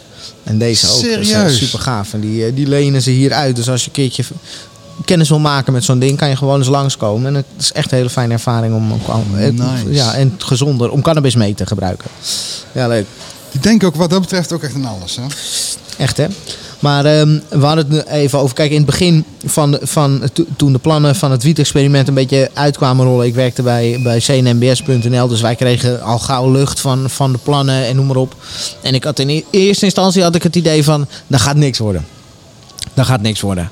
Gewoon puur de insteek ervan, het was made to fail. Het was alsof ze in die vier jaar wilden laten zien, ah, zie je, gaat niet. Weet je wel? Oeh, eh, gaat niet, sorry. Oké, dan gaan we alles dicht doen. Oké. Ehm, maar, maar vooral omdat als er na die vier jaar het ineens wel goed was, moet je dus ja, gewoon zeggen: oké, dan gaan we het legaliseren. Maar dan ben jij dus wel de eerste in Europa die dat doet. Op die manier voor de recreatieve markt. Is Luxemburg, Malta? Nee? Ja, eh, nu. Nu. Maar we hebben het hier over vier, vijf jaar geleden toen die Ja. plannen begonnen. Ja. En laten we heel eerlijk zijn, we hadden al een, jaren geleden al een keer eh, gelegaliseerd kunnen zijn. Want toen kwam er een telefoontje van eh, president eh, Croissant uit Frankrijk. en die zei van ja, ik weet niet of het nou Mitterrand was of die, andere koekenbakker. Maar die zegt van ja jongens, dat gaat... Koekenbakker. De koekenbakker. dat, dat gaat dus mooi niet gebeuren Nee, in, eh, nee. in onze voortuin. Ja. En, en, en, en, en, en, en Nederlandse. Ja, oké, sorry. Maar nu is ook Duitsland echt een grootmacht in Europa. Die is heel ver in zijn legalisatieproces. Zonder experiment. Die zeggen gewoon, boem, we gaan. Ja, We gaan het gewoon doen. ja zeker. En als, als Duitsland dat gaat doen, een van de grootste eh, verdieners in Europa. Dan volgt Frankrijk vrij snel waarschijnlijk. Volgt, maar sowieso is, is de lucht al een beetje geklaard. Het is al wat makkelijker. De weg wordt geplaveid. En je mag daarna gewoon wat makkelijker die kant op lopen. we, we zitten gewoon ergens nu zeg maar een beetje op een keerpunt dat zeg maar voor een grote groep binnen de publieke opinie wiet en hars echt wel een beetje uit het verdomhoekje begint te komen. Ja. Weet je, alleen de, de, de, de, de methodiek om ervoor te zorgen dat zeg maar, de mensen die eh, eh, uiteindelijk het laatste woord hebben in een land, om die over de streep te krijgen, die is in verschillende landen gewoon anders. Kijk, in Duitsland konden ze in principe met, met, met gewoon dat op hun, eh, hoe noem je dat, op hun eh, eh, eh, verkiezingsprogramma te zetten, konden ze stemmen winnen. Ja. In Nederland, ja, je weet het, ik bedoel, ik bedoel de Rutte die is gewoon niet weg te branden hier gewoon. Nee. Maakt niet uit wat je doet, weet je. Dus je moet Die gewoon... echt niet weg te krijgen. Dus, dus ga je dan aan een compromis werken. Want laten we eerlijk zijn, er ligt bijvoorbeeld ook al een wietwet. Die eigenlijk zeg maar dat systeem al, al, al, al in zich heeft. En die is ook al door de Tweede Kamer. Ja, die, die ligt- is al die goedgekeurd. ligt- Alleen nog niet door de eerste. Die ligt nog niet. Maar in principe betekent dat dat als dat experiment loopt. En dan wil ik zeggen, het experiment gaat gewoon helemaal geweldig worden. ja, We gaan- zeker, tuurlijk. Weet je, die, die, die tien... Ik denk oprecht dat, dat zeg maar, de wiet die daaruit gaat komen, die wordt zo goed en zo eh, betaalbaar voor die kwaliteit, dat je dus Kelly kwaliteit, maar dan echt goede gaat krijgen voor 12 euro. Eh, misschien nog wel minder. Lager. Ja, wat is een beetje de, de richtprijs voor de consument? Ja, ik weet je... ah, ik- Inclusief belastingen. La- het- om heel, het, laten we eerlijk zijn, ik vind eigenlijk persoonlijk hè, dat, dat wiet of hash hoeft niet meer te kosten dan een tientje per gram. En weet je, het gaat u- uiteindelijk, weet je, was, hoe slaagt dat experiment? Dat experiment slaagt natuurlijk als jij gewoon een hele mooie en constante kwaliteit kunt leveren. Weet je, traceerbare kwaliteit. Eh, ehm, maar wat nog veel belangrijker is, is eh, mensen gaan die wiet pas proberen en zich overtuigen van die kwaliteit op het moment dat die prijs ook aantrekkelijk is. Eh, en als jij gewoon, eh, eh, weet bij wijze van spreken 15 euro moet gaan betalen voor, voor eh, eh, ehm, reguliere legale cannabis. En je, en je betaalt, weet ik veel wat, eh eh, 8,5 euro voor een grammetje White Widow bij je thuisdealertje. Dan gaat het experiment niet slagen. Weet je, Nee. het is, het is weet je, som, sommige mensen zeggen van ja, weet je wel, die, die mensen die daarin zitten in dat experiment, die tien telers, die zitten daar alleen maar voor een verdienmodel. Nee, weet je, als, je- als, als je dat denkt, ja, dan, dan, dan Nee, loop er je- zijn er echt. Ik ken er sowieso al drie. Waar, waaronder jullie dan. Ik ken er sowieso al drie. Waarvan ik weet, die zitten hierin voor ons. Die doen dit voor de plant. binnen, binnen al die tien telers zitten gewoon mensen die gewoon allemaal gewoon echt passie hebben voor, voor het plantje. En die gewoon allemaal zoiets hebben van oké, nou kunnen we gewoon eens laten zien wat er gebeurt met de kwaliteit van cannabis. Wat er gebeurt met de kwaliteit van hash. Als je dat gewoon op een mooie, nette manier kan doen. En ik denk dus oprecht dat als, hè, wat je zegt, die, die prijs nog lager wordt dan 12 euro. En die kwaliteit, zeg maar, hoog.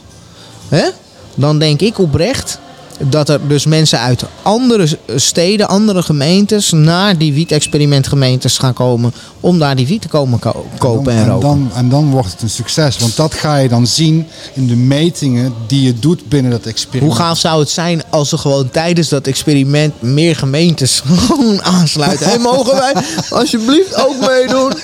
Dat zou ik wel echt super kicken vinden. Want dat is dan wel, dat is voor zowel de overheid als voor ons een bevestiging dat we gewoon op de, op de goede weg bewandelen. Die shops gaan leeglopen in die andere gemeenten. Ja, het is, weet je, een aantal jaar geleden, inderdaad, weet je, we hadden mensen het over staatswiet.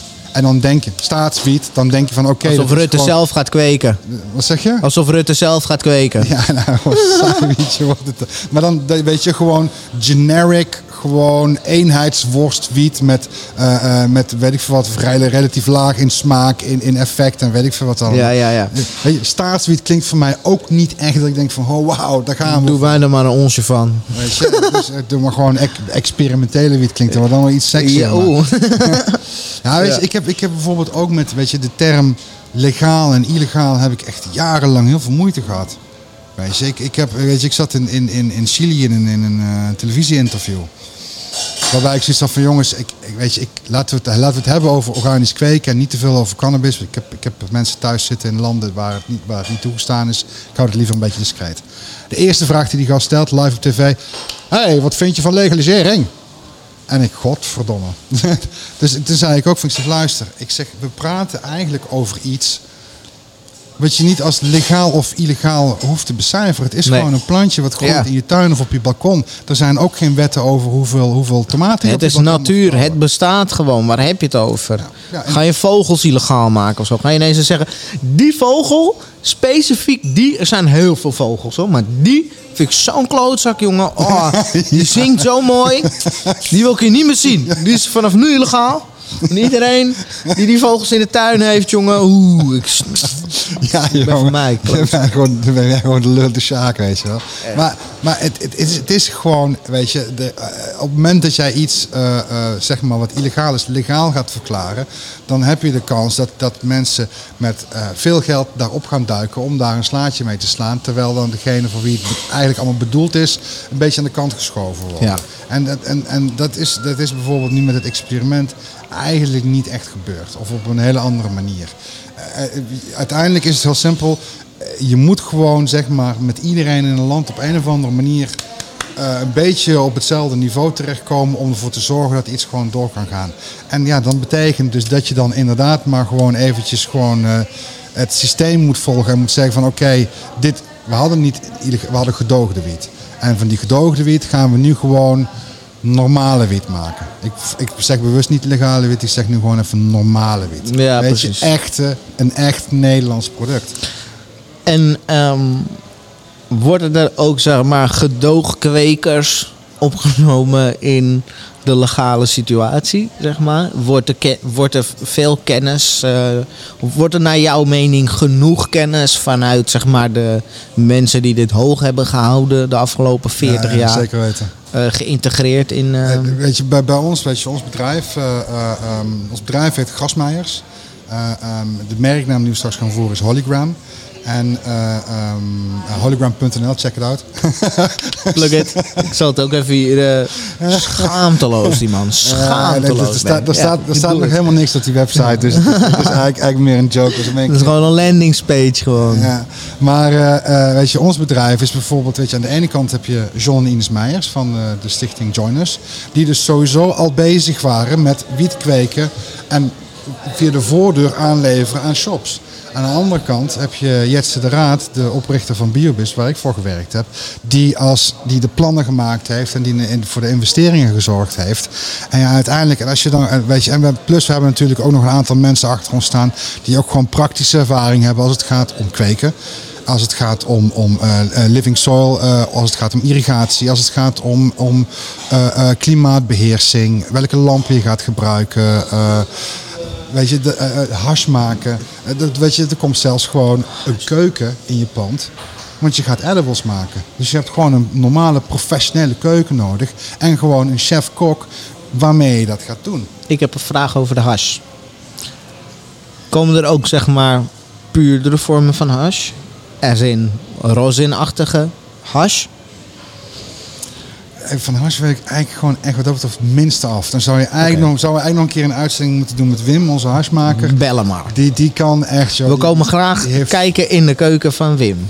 Maar ik- Wim, expect a call. Maar je had op zich ook al een super aflevering met Kees. Hè? En dat weet je. die- Kees ook gaaf hash maken, maar die doet eh, zeg maar kleine batches voor hemzelf. eh, op, of laat het zo zeggen, op een kleine schaal.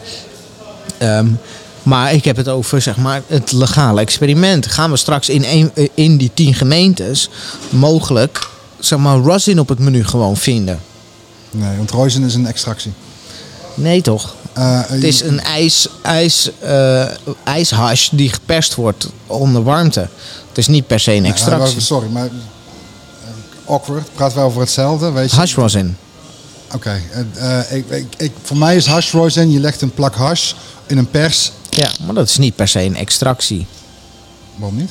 Nou ja, omdat als je, extra- je... extraheert iets met hitte. Ja, oké, je extraheert wel de dingen uit de cellulose. ijs? Ja, Dat- je krijgt de dingen wel uit de cellulose. Nee, het is al eerder al geëxtraheerd met ijs, zeg maar. Hè, want oh, je pakt gewoon een ijshash in plaats van een plak ge- gezeefde hash bijvoorbeeld.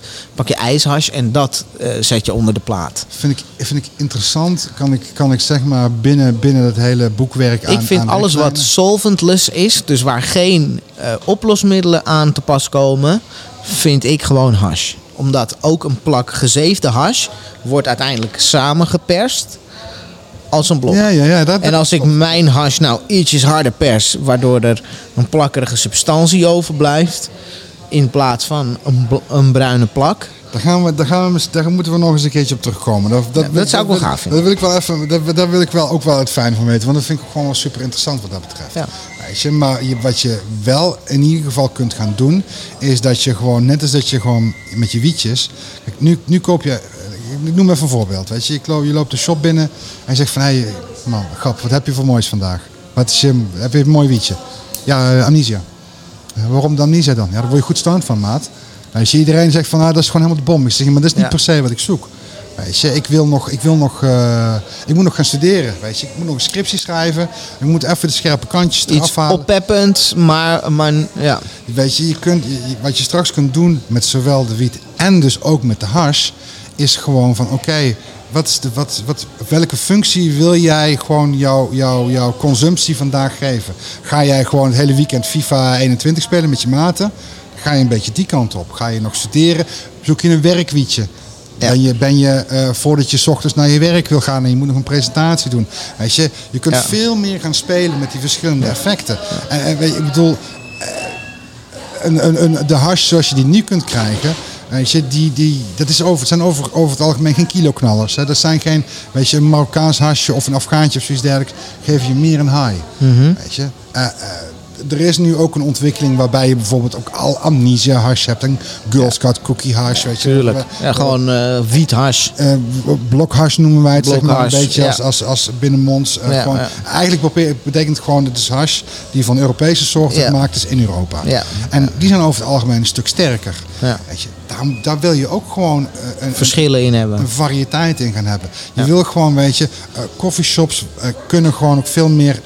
weet je, sommige coffeeshops zijn helaas alleen nog maar een afvalstation geworden. Omdat er niet meer gerookt mag worden. Of vanwege het corona-verhaal. Dus dat is misschien toch wel makkelijker. En je wil zeg maar ook om het experiment ook een positievere draai te geven. Die community die het gewoon waardeert om, om iets lekkers te consumeren. Dat die ook weer mogelijkheden heeft om een beetje bij elkaar te komen. Weet je? En als je dan een shop hebt waar je binnenkomt lopen, waar je gewoon zeg maar in gesprek kunt gaan met de buttender, in plaats van degene die achter de bar staat. Ja, ja. Van wat heb, ik al, wat heb je allemaal voor moois? Nou, luister, En die zijn- weten gewoon ook wat over. er zijn, er zijn straks enkele, ja, precies, die weten er ook wat over. Er zijn straks enkele honderden verschillende soorten verkrijgbaar, waarvan je precies weet wat erin zit en, en hoe, wat voor effect het op je zou kunnen hebben. Ja. Het is gewoon fucking geniaal. Ja, Weet je, dan, luister eens, als ze het dan ook nog eens een keer gewoon zouden subsidiëren en ze maken het gratis, dan liep ik de hele dag alleen nog maar van koffieshop naar koffieshop om gewoon, gewoon even daar te proeven. hè. Allemaal lekkers te proeven. Ja. Oh, helemaal gek. Ja, wat lekker is te Ik neem een huis in elk van die tien gemeentes. Maar ja, weet je, dus, dus ja, Ja. Dat, dat is zeg maar een beetje eh, eh, eh, hoe het experiment in elkaar zit. Ja.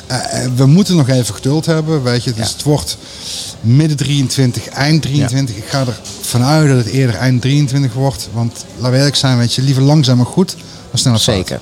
En ehm, in de tussentijd ehm, beweeg jij door Nederland en spreek jij mensen om te kijken wat, wat willen jullie nou in die, in die, in die, in die schappen hebben liggen straks als het eh, in je ideale situatie. Nou, je zou kunnen zeggen dat ik zeg maar een soort van ehm, marktonderzoek aan het doen ben.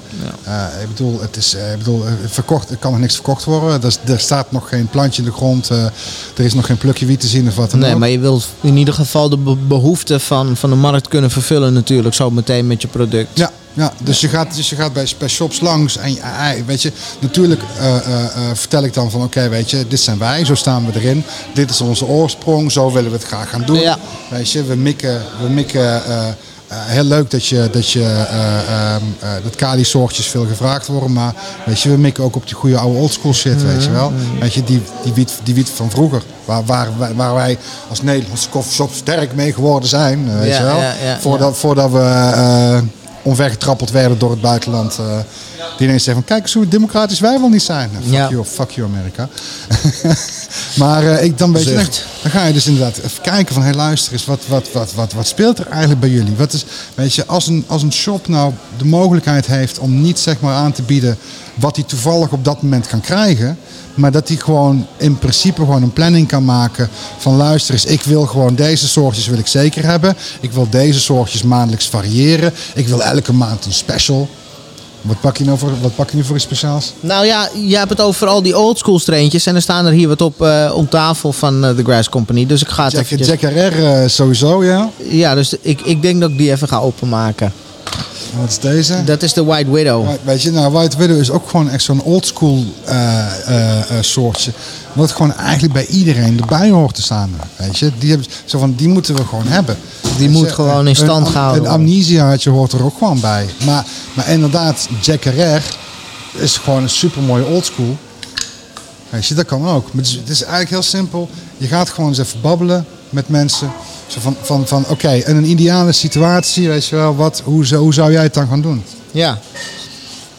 Ja, we kunnen het nog niet te veel hebben natuurlijk over de uitkomsten van, uh, van het onderzoek. Want dat, uh, ja, dat is natuurlijk uh, een beetje lastig voor de concurrentie en zo. Dus je werkt voor niks geweest.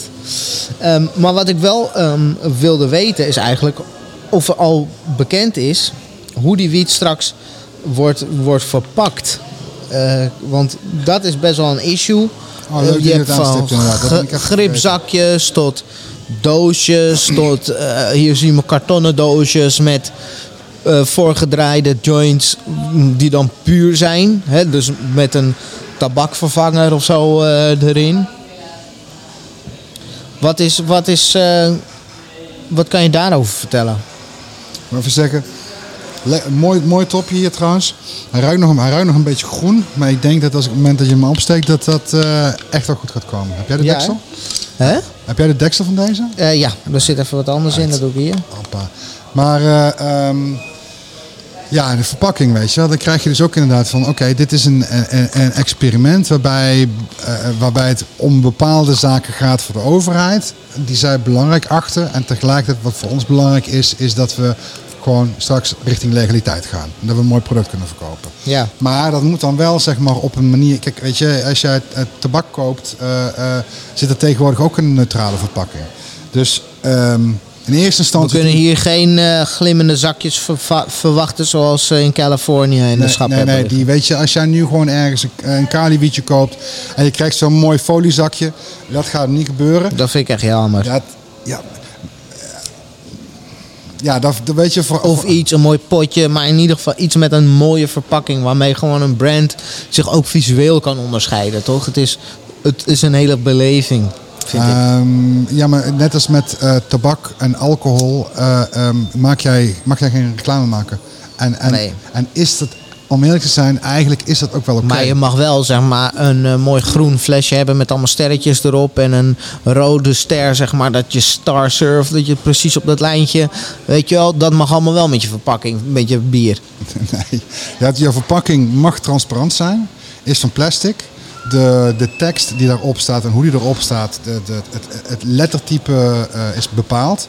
De waarschuwingen die erop staan, die zijn bepaald. Dus er komt het cannabisblad komt erop te staan. Let op, uh, van kinderen houden, zwangere vrouwen, roken schaadt de gezondheid. Die standaardzaken die komen erop. En omdat zeg maar uh, voorlichting en, en, en gezondheid een, een onderdeel is van het experiment en ook een voorwaarde om dit experiment te starten, zit er op elke verpakking ook een bijsluiter met daarin informatie over wat je consumeert. Hm. Weet je, dat, dat, kun je. Wat ik, wat ik, wat Echt Nederlandse overheid, super oldschool dingen. Dus een plastic uh, verpakking, terwijl heel Europa plastic uh, verpakkingen aan het bannen is. En een hele buisluiter in plaats van gewoon een QR-codetje of zo. Laat ik zo zeggen, weet je, op, op, op, weg naar de, op weg naar de finish moet je roeien met de riemen die je hebt. Weet je? En dat wil niet zeggen dat je dan maar zegt van nou laat me zitten, ik roei niet meer. Weet je? Het, op het moment dat je bezig bent met het experiment, zullen er echt wel bepaalde zaken die, die theoretisch zijn uitgedacht, praktisch op een andere manier gaan uitpakken. En ik, laat ik zo zeggen, ik heb voldoende vertrouwen in het overleg tussen het loket van het experiment en de groep telers die wij zijn, om, om uh, bepaalde dingen aan te passen op het moment dat je denkt van ja, hé, hey, wacht even. in 2023 is single-use plastic in Nederland eigenlijk gewoon verboden. Ja. Dat is er dan gewoon niet meer. Ja. Oké, okay, als je geen experiment hebt, uh, dan, en we zouden gewoon doorgaan met het gedoogbeleid van coffeeshops. Hoeveel miljoenen Ziploc bags worden er dan per jaar niet ook gewoon weggeflikkerd? Ja, dus, precies. Dus nu kun je dan in ieder geval zeggen van oké, okay, laten we dan eens even gaan kijken of onze verpakking dan voor een deel gerecycled kan zijn. Weet je? Misschien kun je op een gegeven moment zelfs volgend jaar wel overstappen naar, eh, naar hennep plastic. Kijk, dat zou een mooie stap zijn. In dit geval zeg ik hennep, maar dan, eh, want daar gaat het ook echt Ja, over. want dan heb je het echt over zeg maar, de, de stam van de, van de plant die gebruikt wordt voor, het, voor, voor plastic, zeg maar. Of hè, een, een kunststof, laat maar zo zeggen. Eh, ja. En dat, dat zou wel logisch zijn, want je houdt straks stammetjes over naar het oosten van je legale cannabis. En dan mag er best wat met die stammen gedaan worden. En daar kan je bijvoorbeeld plastic van maken om je verpakkingen mee te maken. En dan heb je een hele mooie cirkel.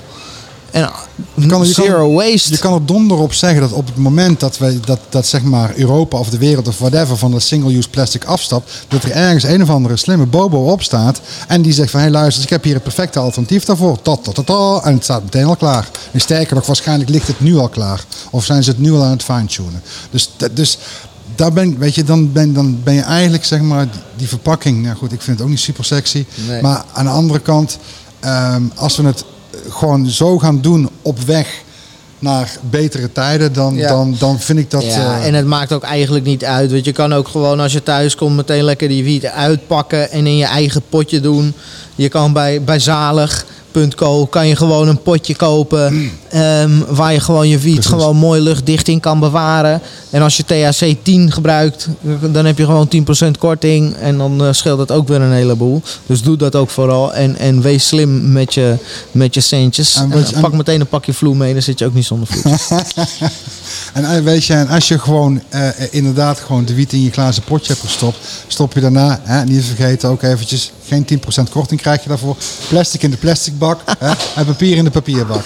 Dan krijg je wel misschien 10% eh, korting Bonuspunten. Als je, precies, bonuspunten als je, als je bij Big Papa John bovenkomt. Ja, maar, maar- weet je, dan heb, ik, bestaat. maar dan heb ik ook nog wel even een andere, andere vraag aan jou, weet je Ja. wel. Want laten we eerlijk zijn, weet je. Wij zitten in de cannabisindustrie. Wij genieten, wij, wij, het is, het is de, be- de beste plek om te werken. Want je kan gewoon, gewoon je passie en je way of life combineren met je inkomen. Dus Absoluut. be- beter kan het bijna niet. Nee. Maar als jij nu over straat loopt en bij een coffeeshop staat een gastje van 13, 14 jaar oud die zegt van hé hey, maat, kom op man. Kan je voor mij en mijn maat misschien niet even voor een Sorry bro. Sorry bro. Waarom doe je het niet? Waarom doe je het Ik ben zelf begonnen toen ik 13 was. En ik heb zeg maar sindsdien non-stop gebloot. En ondanks dat het nu lijkt alsof het mij niet tegen heeft gewerkt of zo. Omdat ik gewoon in de. hé, ik doe iets leuks en bla bla bla. En het gaat allemaal wel oké. Ehm, maar ik heb in, in mijn jongere jaren. Ik heb met hartstikke veel dingen gestruggeld. En, en, en al, die, al, die, al, die, al die dingen hadden misschien makkelijker geweest als ik mezelf wat meer ruimte had gegeven om bepaalde dingen gewoon te verwerken. Of mijn hersenen gewoon de ruimte had gegeven om beter te ontwikkelen. Het is als je, als je hersenen nog niet volledig ontwikkeld zijn, niet verstandig om cannabis dagelijks te gebruiken. Simpel als dat. Ik ben helemaal pro-wiet. 100%. Bro, kom op je 18e naar mij toe en ik, ik, ge- ik geef je nog een gratis jointje. Laat me je rijbewijs of je ID-kaart zien. Op je 18e verjaardag krijg je van mij een gratis stopje wiet om, om te roken. I don't give a fuck. Maar minderjarig kan ik het niet supporten. Echt, ik vind dat moeilijk. Maar ik mag dat niet supporten. En ik vind dat ook lastig, weet je wel. Ik, ik kan het niet eh, per se aanraden. Een uitzondering is als de cannabis medicinaal gebruikt wordt. Ja. Want dan neem je bepaalde eh, dingen gewoon voor lief als dat een ander positief effect teweeg brengt. Ehm, ja, dus Weet- dat. Weet je, en ook weet je, door, door middel van, van zo'n experiment open je ook weer meerdere kanalen naar meer kennis en ervaring over de effecten van bepaalde soorten wiet, van Ja. bepaalde soorten terpenen Ja. en hoe je die eventueel medicinaal toe kunt passen. Weet je, iemand, want er zijn ook best wel wat mensen die, die want laten we eerlijk zijn, de, de, de wiet in de apotheek is, is relatief duur. Weet je, daar, daar schrok ik, daar schrok ik, Ik heb zelfs van. toevallig laatst weer een potje gehaald. Ja. Want ik heb een recept ook van de, van de, van de dokter. Ehm, en het heeft mij onder de 50 euro gekost voor 5 gram. Voor 5 gram onder de 50 euro. Ja. Oké, dat is eigenlijk, dat is, dat is op, vind ik eigenlijk zeg maar... zo- 9 nog wat was het. Dat vind ik een acceptabel bedrag. Als ik, als ik 9 euro af moet tikken voor een grammetje wiet in een koffieshop, dan ben Het ik... probleem is. Oh. het is kutkwaliteit. Dus het gaat niet om hoe duur, hoe duur het is. Het gaat om de prijs-kwaliteit verhouding. Want ik vind niet erg om veel te betalen als het heel goed is. Maar als ik veel betaal en het is rotzooi, dan word ik verdrietig. Weet je, als ik weet het is rotzooi en ik, ik betaal er weinig voor, maar het is all, I've got. Dan is het all I've got. Als ik in het buitenland ben, en het is wat het is, bijvoorbeeld. Maar ja, als ik er veel voor betaal, en zeker in zo'n systeem als de apotheek, ja, dan moet het gewoon van topkwaliteit zijn. Als je ziet wat ze in Duitsland krijgen. Ik heb een paar maten in Duitsland. Maar, maar volgens mij. Mijn broeders het- van Smoking Custom, shout-out voor de, voor de lamp en al die dingen. Echt eh, veel liefde naar die jongens toe. Ehm, maar die, die hebben dus ook medicinale eh, cannabis daar. Dat ziet, er gewoon, eh, dat ziet er gewoon uit als de wiet die jullie straks gaan produceren. Snap je? Dat is gewoon echt fucking goede wiet. Maar komt dat niet? Dat zou toch eigenlijk gewoon van dezelfde. Het komt toch allemaal van Bedrocan? Nee, nee, niet meer. Zij, hebben dus al, zij mogen al, overal vandaan halen, joh. Zij hebben uit Canada, uit Portugese telers, Duitsers. Er komt nu zeg maar meer, eh, er ko- komt nu ook concurrentie voor Bedrocan in Nederland. Zeg maar die tender is opengegooid, maar dat gaat nog even duren. Maar Duitsland heeft al een hele tijd dat ze van allerlei eh, telers mogen inkopen. Dus Canadese spullen, je hebt eh, Portugese spullen, je hebt van alles heb je er liggen, joh. Dus ja, het gaat helemaal nergens over. En het wordt gewoon thuisgebracht. Ik denk, ik denk, nergens meer naartoe. Dikke potten zo, pap. Ik de volgende keer als ik in Berlijn ben, niet met een urinetest naar de politie moet gaan, maar even naar de apotheek. Zo, Zeg, ja. moet je kijken hoe ziek Echt bent, man. ja. Er zit bijna niks meer in mijn, in mijn, in mijn pis. Geef me eens even een paar van die potjes. Echt zo. Echt bizar. Ja, jongens. En, en het is denk ik een hele mooie tijd geweest vandaag. Ik denk dat we, ehm, dat we eigenlijk best wel alles, alles besproken hebben wat we, wat we te bespreken hadden voor vandaag. En het lijkt me hartstikke leuk om nog eens een keertje bij jullie langs te komen als het allemaal up and running is. Ah, ja, sowieso. Ja, toch? Graag. Ehm, En er wordt, dus wat, wat ik sowieso eh, nog wel even erbij kan vermelden is, weet je, als mensen zeg maar wat meer willen weten over hoe dat experiment dan eigenlijk ontstaan is en zo. Er is echt een supergoeie documentaire over gemaakt. Ja? Die heet Legale Wiet. Die is op 2doc.nl, kun je die zien. linkje in de beschrijving zullen we regelen. Linkje in de beschrijving, heel goed. Want het gaat Daar- hier om informatie. Ik wil dat iedereen er wat van opsteekt. Daar komen, daar zit, daar zit- wij zitten daarin, dus eh, de, de zitten daarin. Oh, cool. Eh, ehm, eh, maar ook zeg maar eh, verschillende shops die een mening ventileren over wat goed of wat slecht kan zijn het experiment. Cool. De, de mensen vanuit de politiek die zich daarvoor in hebben gezet. En, en daar wordt eh, deze zomer ook een eh, tweede deel over gemaakt. En dan zitten wij daar weer in. eh. Oh, vet. Ja, dus... Super gaaf. Dan gaan we die ook zeker kijken. en, en om, weet je, af, laten we eerlijk zijn, weet je, het is nog een jaar voordat het echt zover is. Maar Mhm. ik ga ervan uit dat er binnen, binnen die tijd wel mogelijkheden zijn om nog gewoon eventjes touchbase. Dat lijkt me een leuk plan. Patrick, super bedankt voor je tijd vandaag. Leuk dat je wilde langskomen vandaag hier eh, in de Grass Company in Tilburg. Onze vrienden, super bedankt voor het ontvangst hier ook. En eh, eh, de, de fantastische bediening. Echt een hele leuke, leuke crew loopt hier rond. Dus shout-out naar iedereen hier. Ehm shout-out ook naar onze sponsors. Want die maken het mogelijk dat we hier vandaag zitten. Zalig.co gebruikt TSC10 voor 10% korting op alles daar. Een mascotte voor de filtertjes. Zodat je in ieder geval iets schoner consumeert. En ga ook vooral naar de highcloud.eu. Check daar de, eh, alle andere content. En eh, neem even zo'n leuk truitje of een t-shirtje. Zoals je ziet. woep, woep. Ja, want daarmee support je ook je uncle. En zorgen we ervoor dat wij nog langer eh, leuke content kunnen maken. En een shout-out naar mijn vrienden van cnmbs.nl voor dit mogelijk te maken. Bedankt ook naar mijn broertje Patrick. De tweede Patrick in de house vandaag. Of de eerste Patrick. Hoe Patrick's in ziet. house. Patrick's in the house. voor Making This Beautiful. En ik zie jullie graag bij de volgende aflevering terug. En dat is de seizoensfinale. Dus we gaan er wat leuks van proberen te maken. De tiende aflevering van seizoen 1. Stay tuned. De High Cloud is here to stay. Mijn naam is Uncle Kush. Much love. Houdoe en bedankt. Ja, toch? En ga- gaan, die altijd, leuk? gaan die altijd zo super vloeiend? Je bent echt gewoon... Ik, Nu wel. Je zit gewoon te flowen. Ik zie gewoon totaal niet aan jou dat je op een gegeven moment het is een... Uh... Ultra focus op. Niet te zijn.